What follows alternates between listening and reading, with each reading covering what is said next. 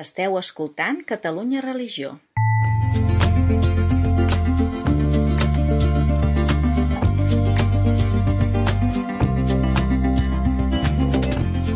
Converses en la frontera, un podcast de Gabriel Jaraba i Xavier Morlans.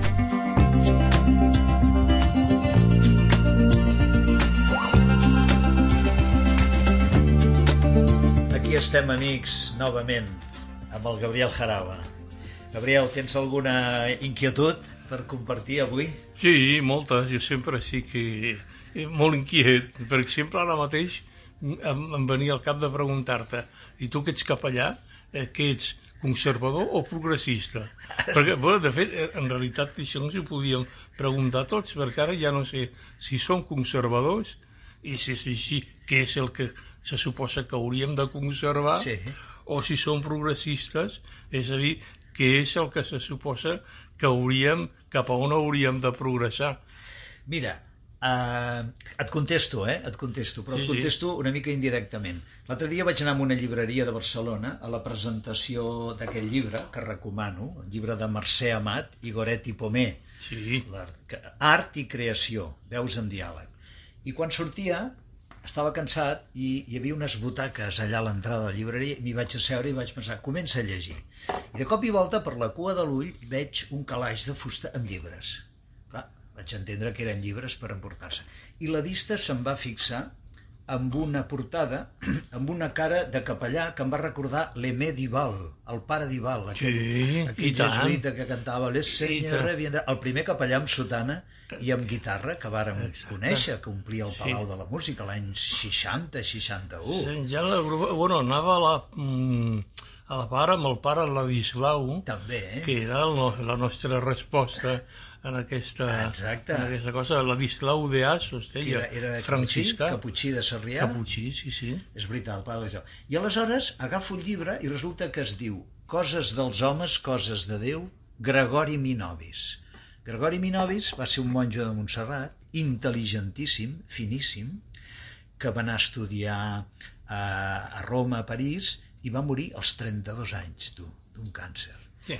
I escrivia Serra d'Or, i a qüestions de vida cristiana, i li van, va deixar preparat abans de morir, va morir l'any 65, encara, encara no havia acabat el concili, va morir al febrer, i li van deixar preparat eh, ell un conjunt dels seus articles. I el pròleg que li fa el Jordi Vilabadal i Vilaplana, que havia estat monjo, reprodueix uns fragments del manifest que van fer cap a l'any 61 aquest grup de monjos de Montserrat, com passava també entre el clero de Barcelona, en què plantejaven el que ells en deien la nova mentalitat, la nova mentalitat.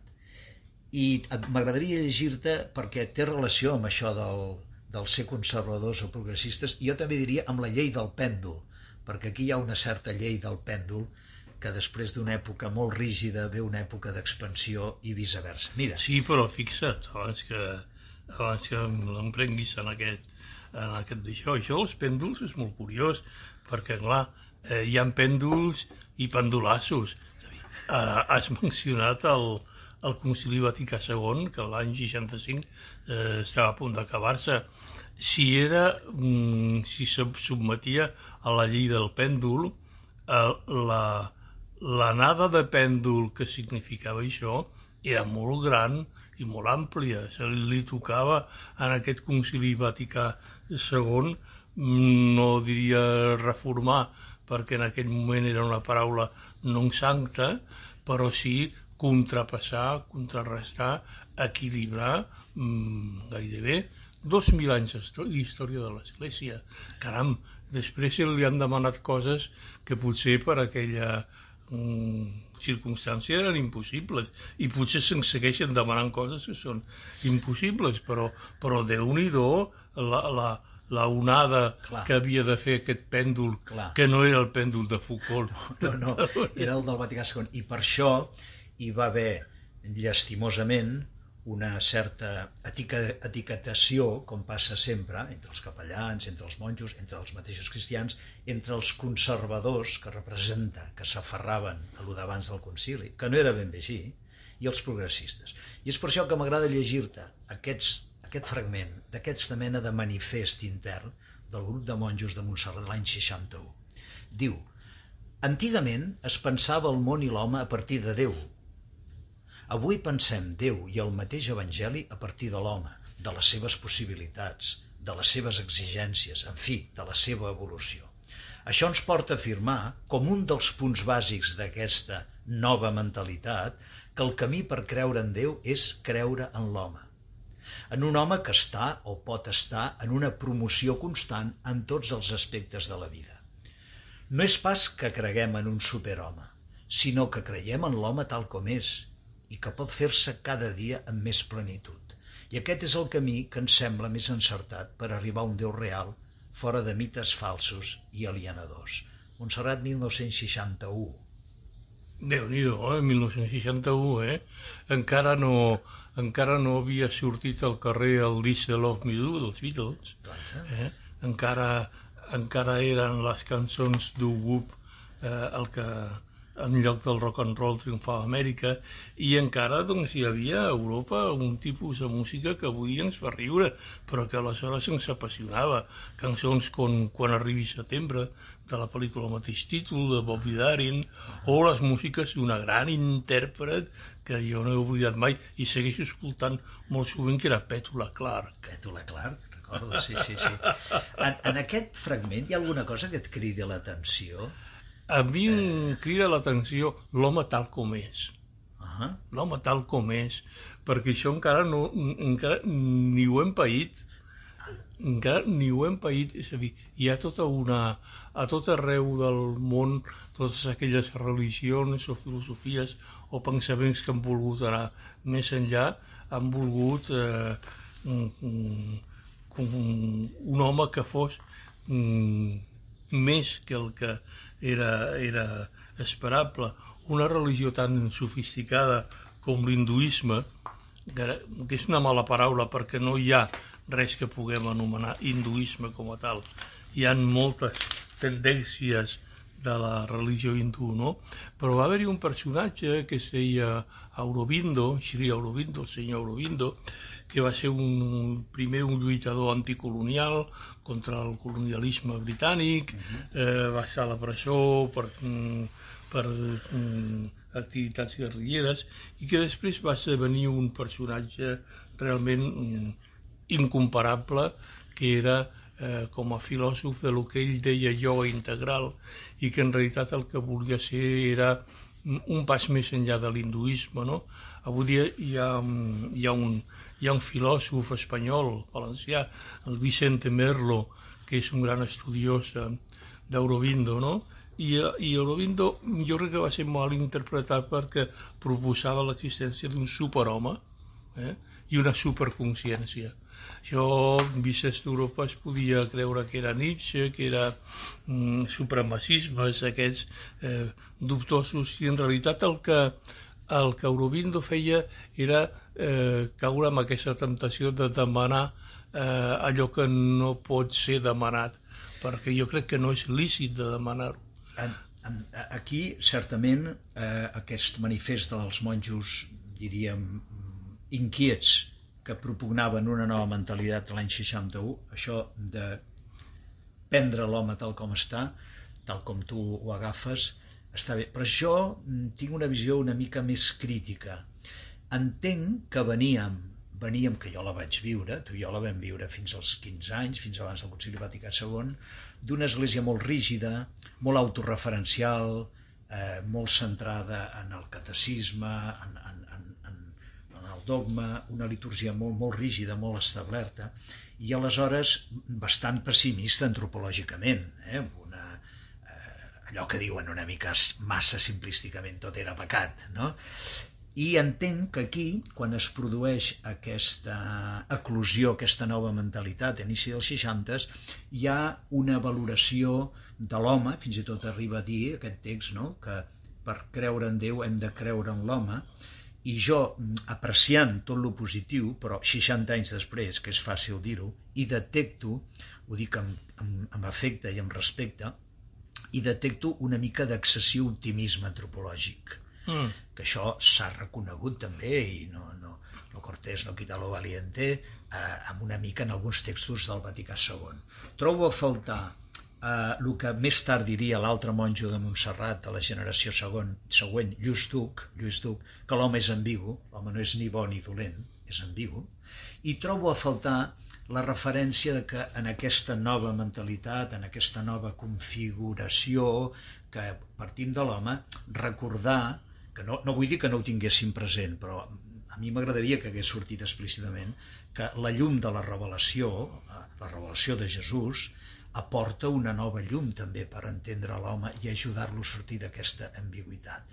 Jo, jo hi faria, clar, és fàcil 60 anys després, indicar aquests dos, dos apunts crítics. Sí, però fixa't, aleshores ens trobem en, en, un, en un moment d'oscil·lació del pèndol en el qual encara no sabia, mm, encara no havíem vist, no havíem vist, alguns sí que ho havien vist i de quina manera, o per, altres perquè no ho havien volgut veure, eh, l'evolució de tot el bloc socialista i assimilats, vull dir, eh, als països no alineats del Tercer Món. Mm. La conferència de Bandung, que si no recordo malament era també el 1965, uh -huh. a, on, a on sota la, la protecció de Sukarno, el president esquerranista indonesi d'aleshores, es parlava d'una tercera via, una tercera via ja aleshores, no?, entre el, el sovietisme i el, i el capitalisme, no?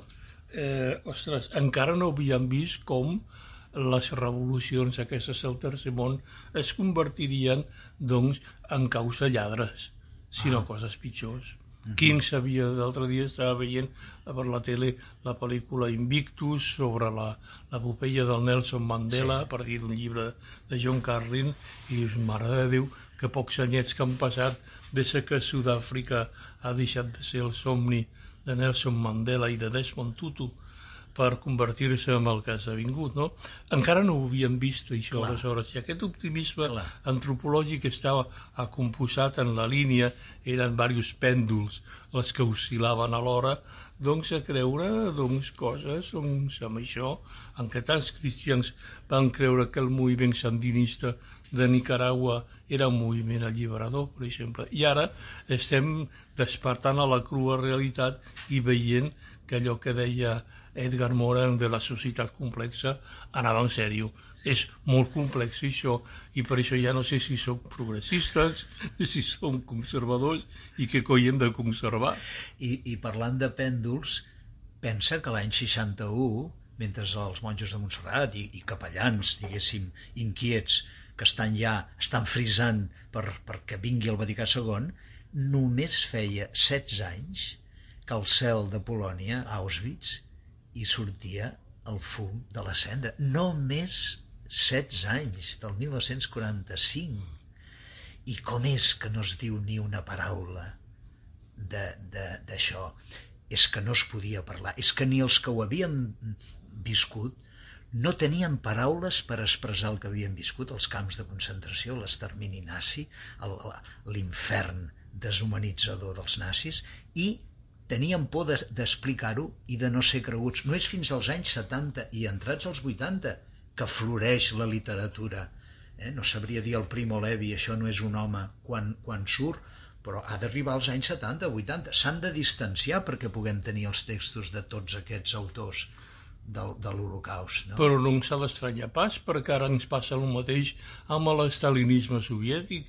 Avui dia gent de bona fe d'esquerres que pensa que Putin és un personatge progressista d'esquerres i, i assimilat a l'antiga Unió Soviètica. A veure, un servidor que sí que ha estat soviètic de tota la vida, puc dir que això no es que es mi peco, que es mi paco, que me lo han canviat. És a dir, això no és socialisme, i això no era socialisme, i el socialisme al qual alguns aspirem ha de ser tota una altra cosa molt diferent.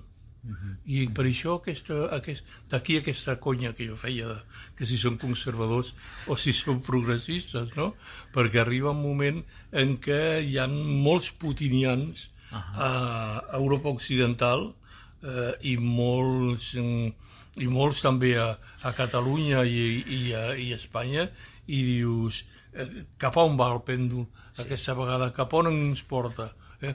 Amb aquest home, per entremig, que jo que sí que sóc un optimista, també antropològic, però en moltes altres coses, jo dic, no és cap mala idea això que, que diu aquest germà eh, de creure en, en l'home tal com és. Sí, però escolta, contestem la pregunta que els, els, sí, els oients deuen sí. estar inquiets. A veure, vam quedar que això nostre era com una mena de Don Camilo i Don Pepone sí. del, del segle XXI.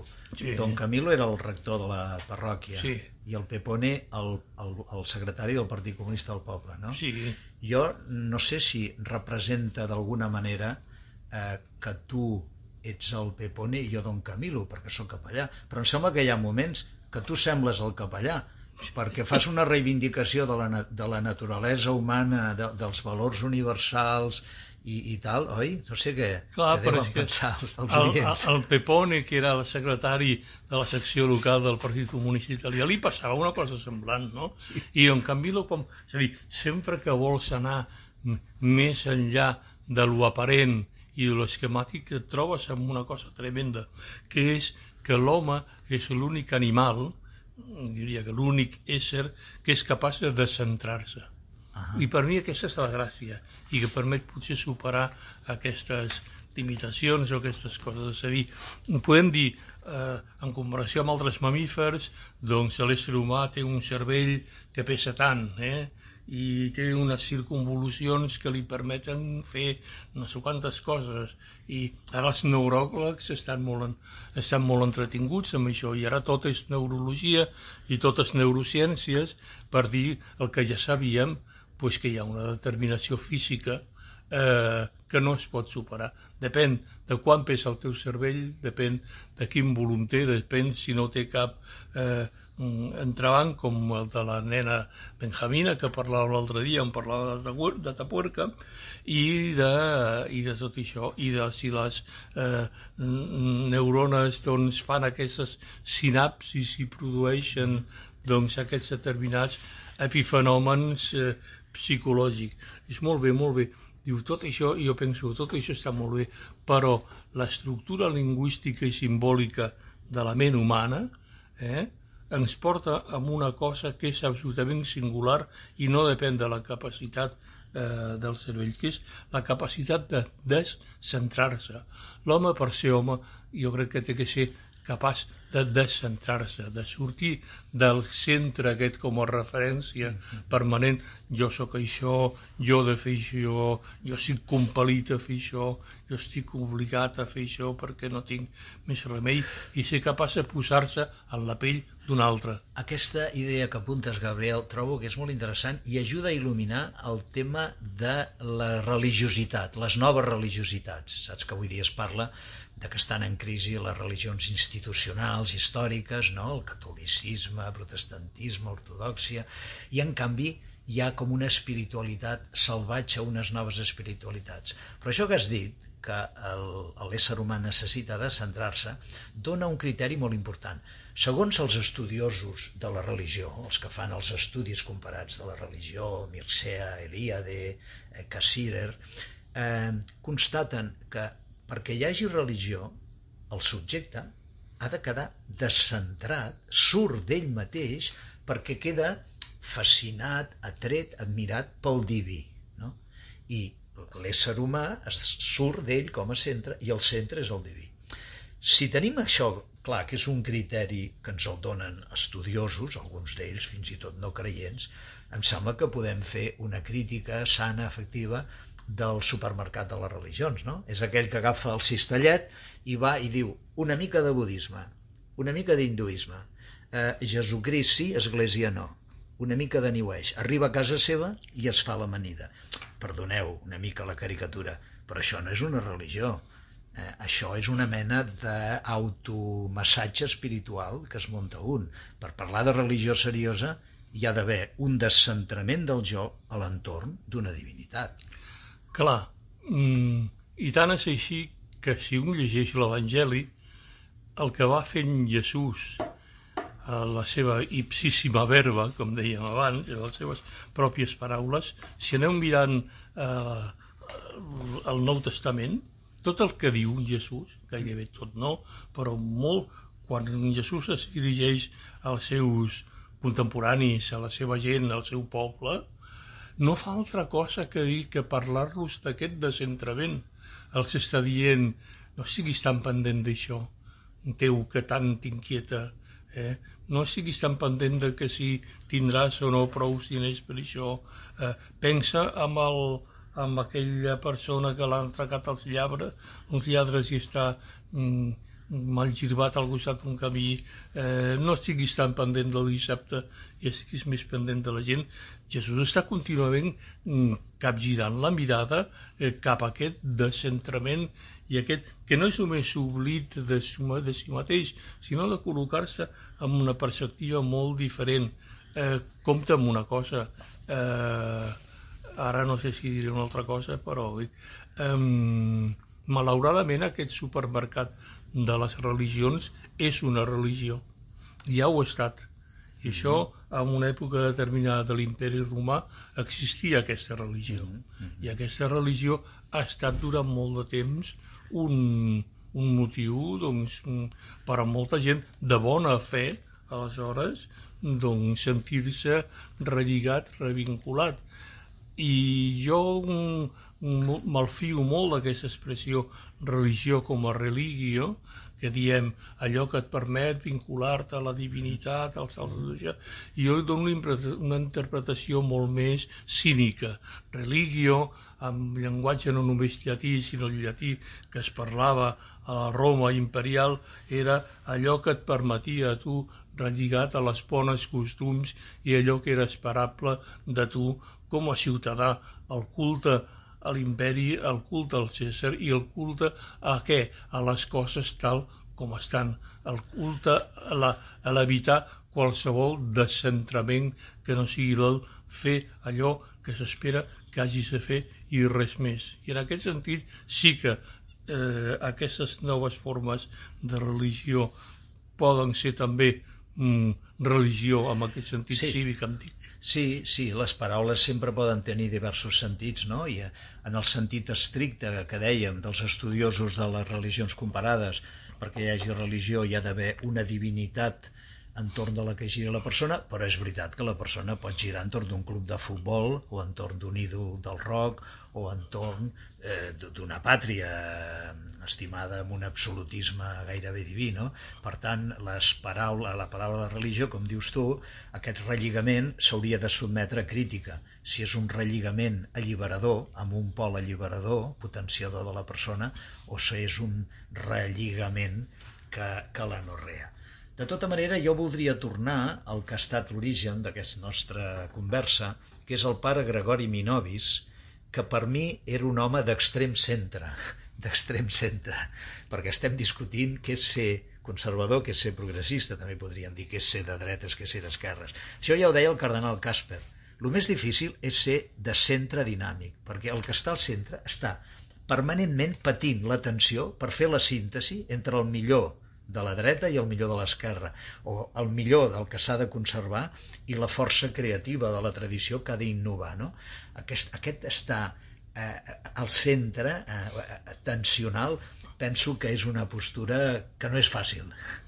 Eh, no ho és perquè és i no només perquè sigui molt difícil de mantenir, sinó perquè obliga a una certa reflexió i autoreflexió sobre si mateix i sobre el món eh, que ens mm, comporta doncs, a reconèixer mm, les coses tal com són, tal com és la política, tal com és la societat, tal com és l'autonomia i tal com són les persones. I en aquest sentit ens trobem, jo crec que en coses molt decebedores. Ja pots tu fer tota la construcció intel·lectual i tot el propòsit honestíssim, ètic, de la teva manera d'anar pel món en aquest sentit, eh, que després t'hauràs de ficar ara doncs, a l'oportunisme, eh, a la mala voluntat, a la incompetència, a la tonteria general, tenint en compte que el problema del, el problema del món no és el mal, mm, que aquí ja arribaríem, sinó que el principal problema que tenim és l'estupidesa. És a dir, és, és el gros i el grandíssim problema.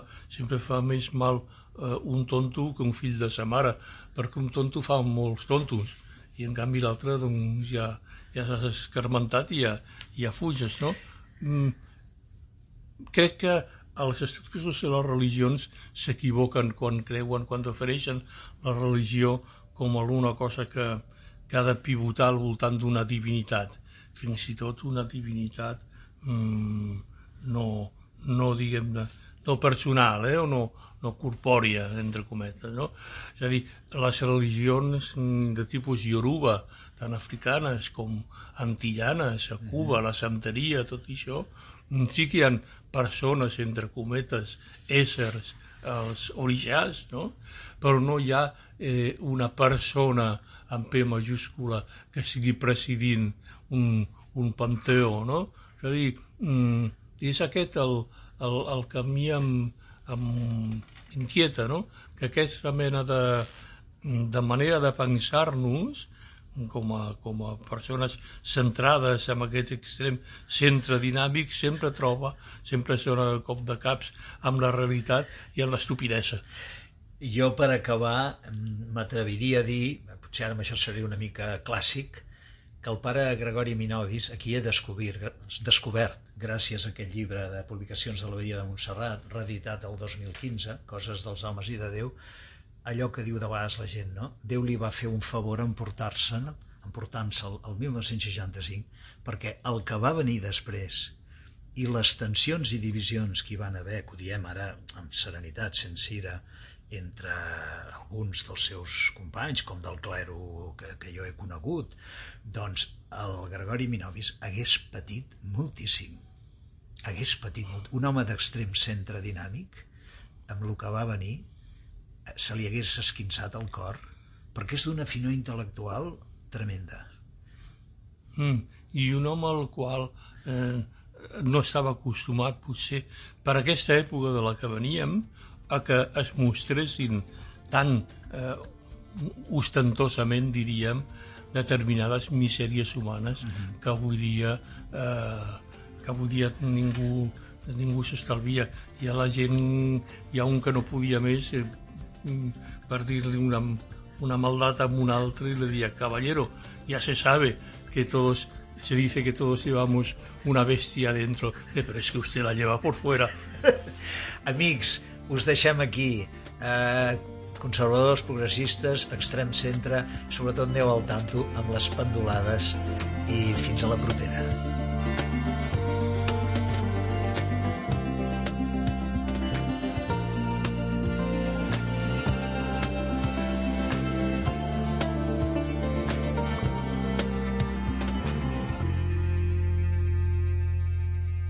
Catalunya Religió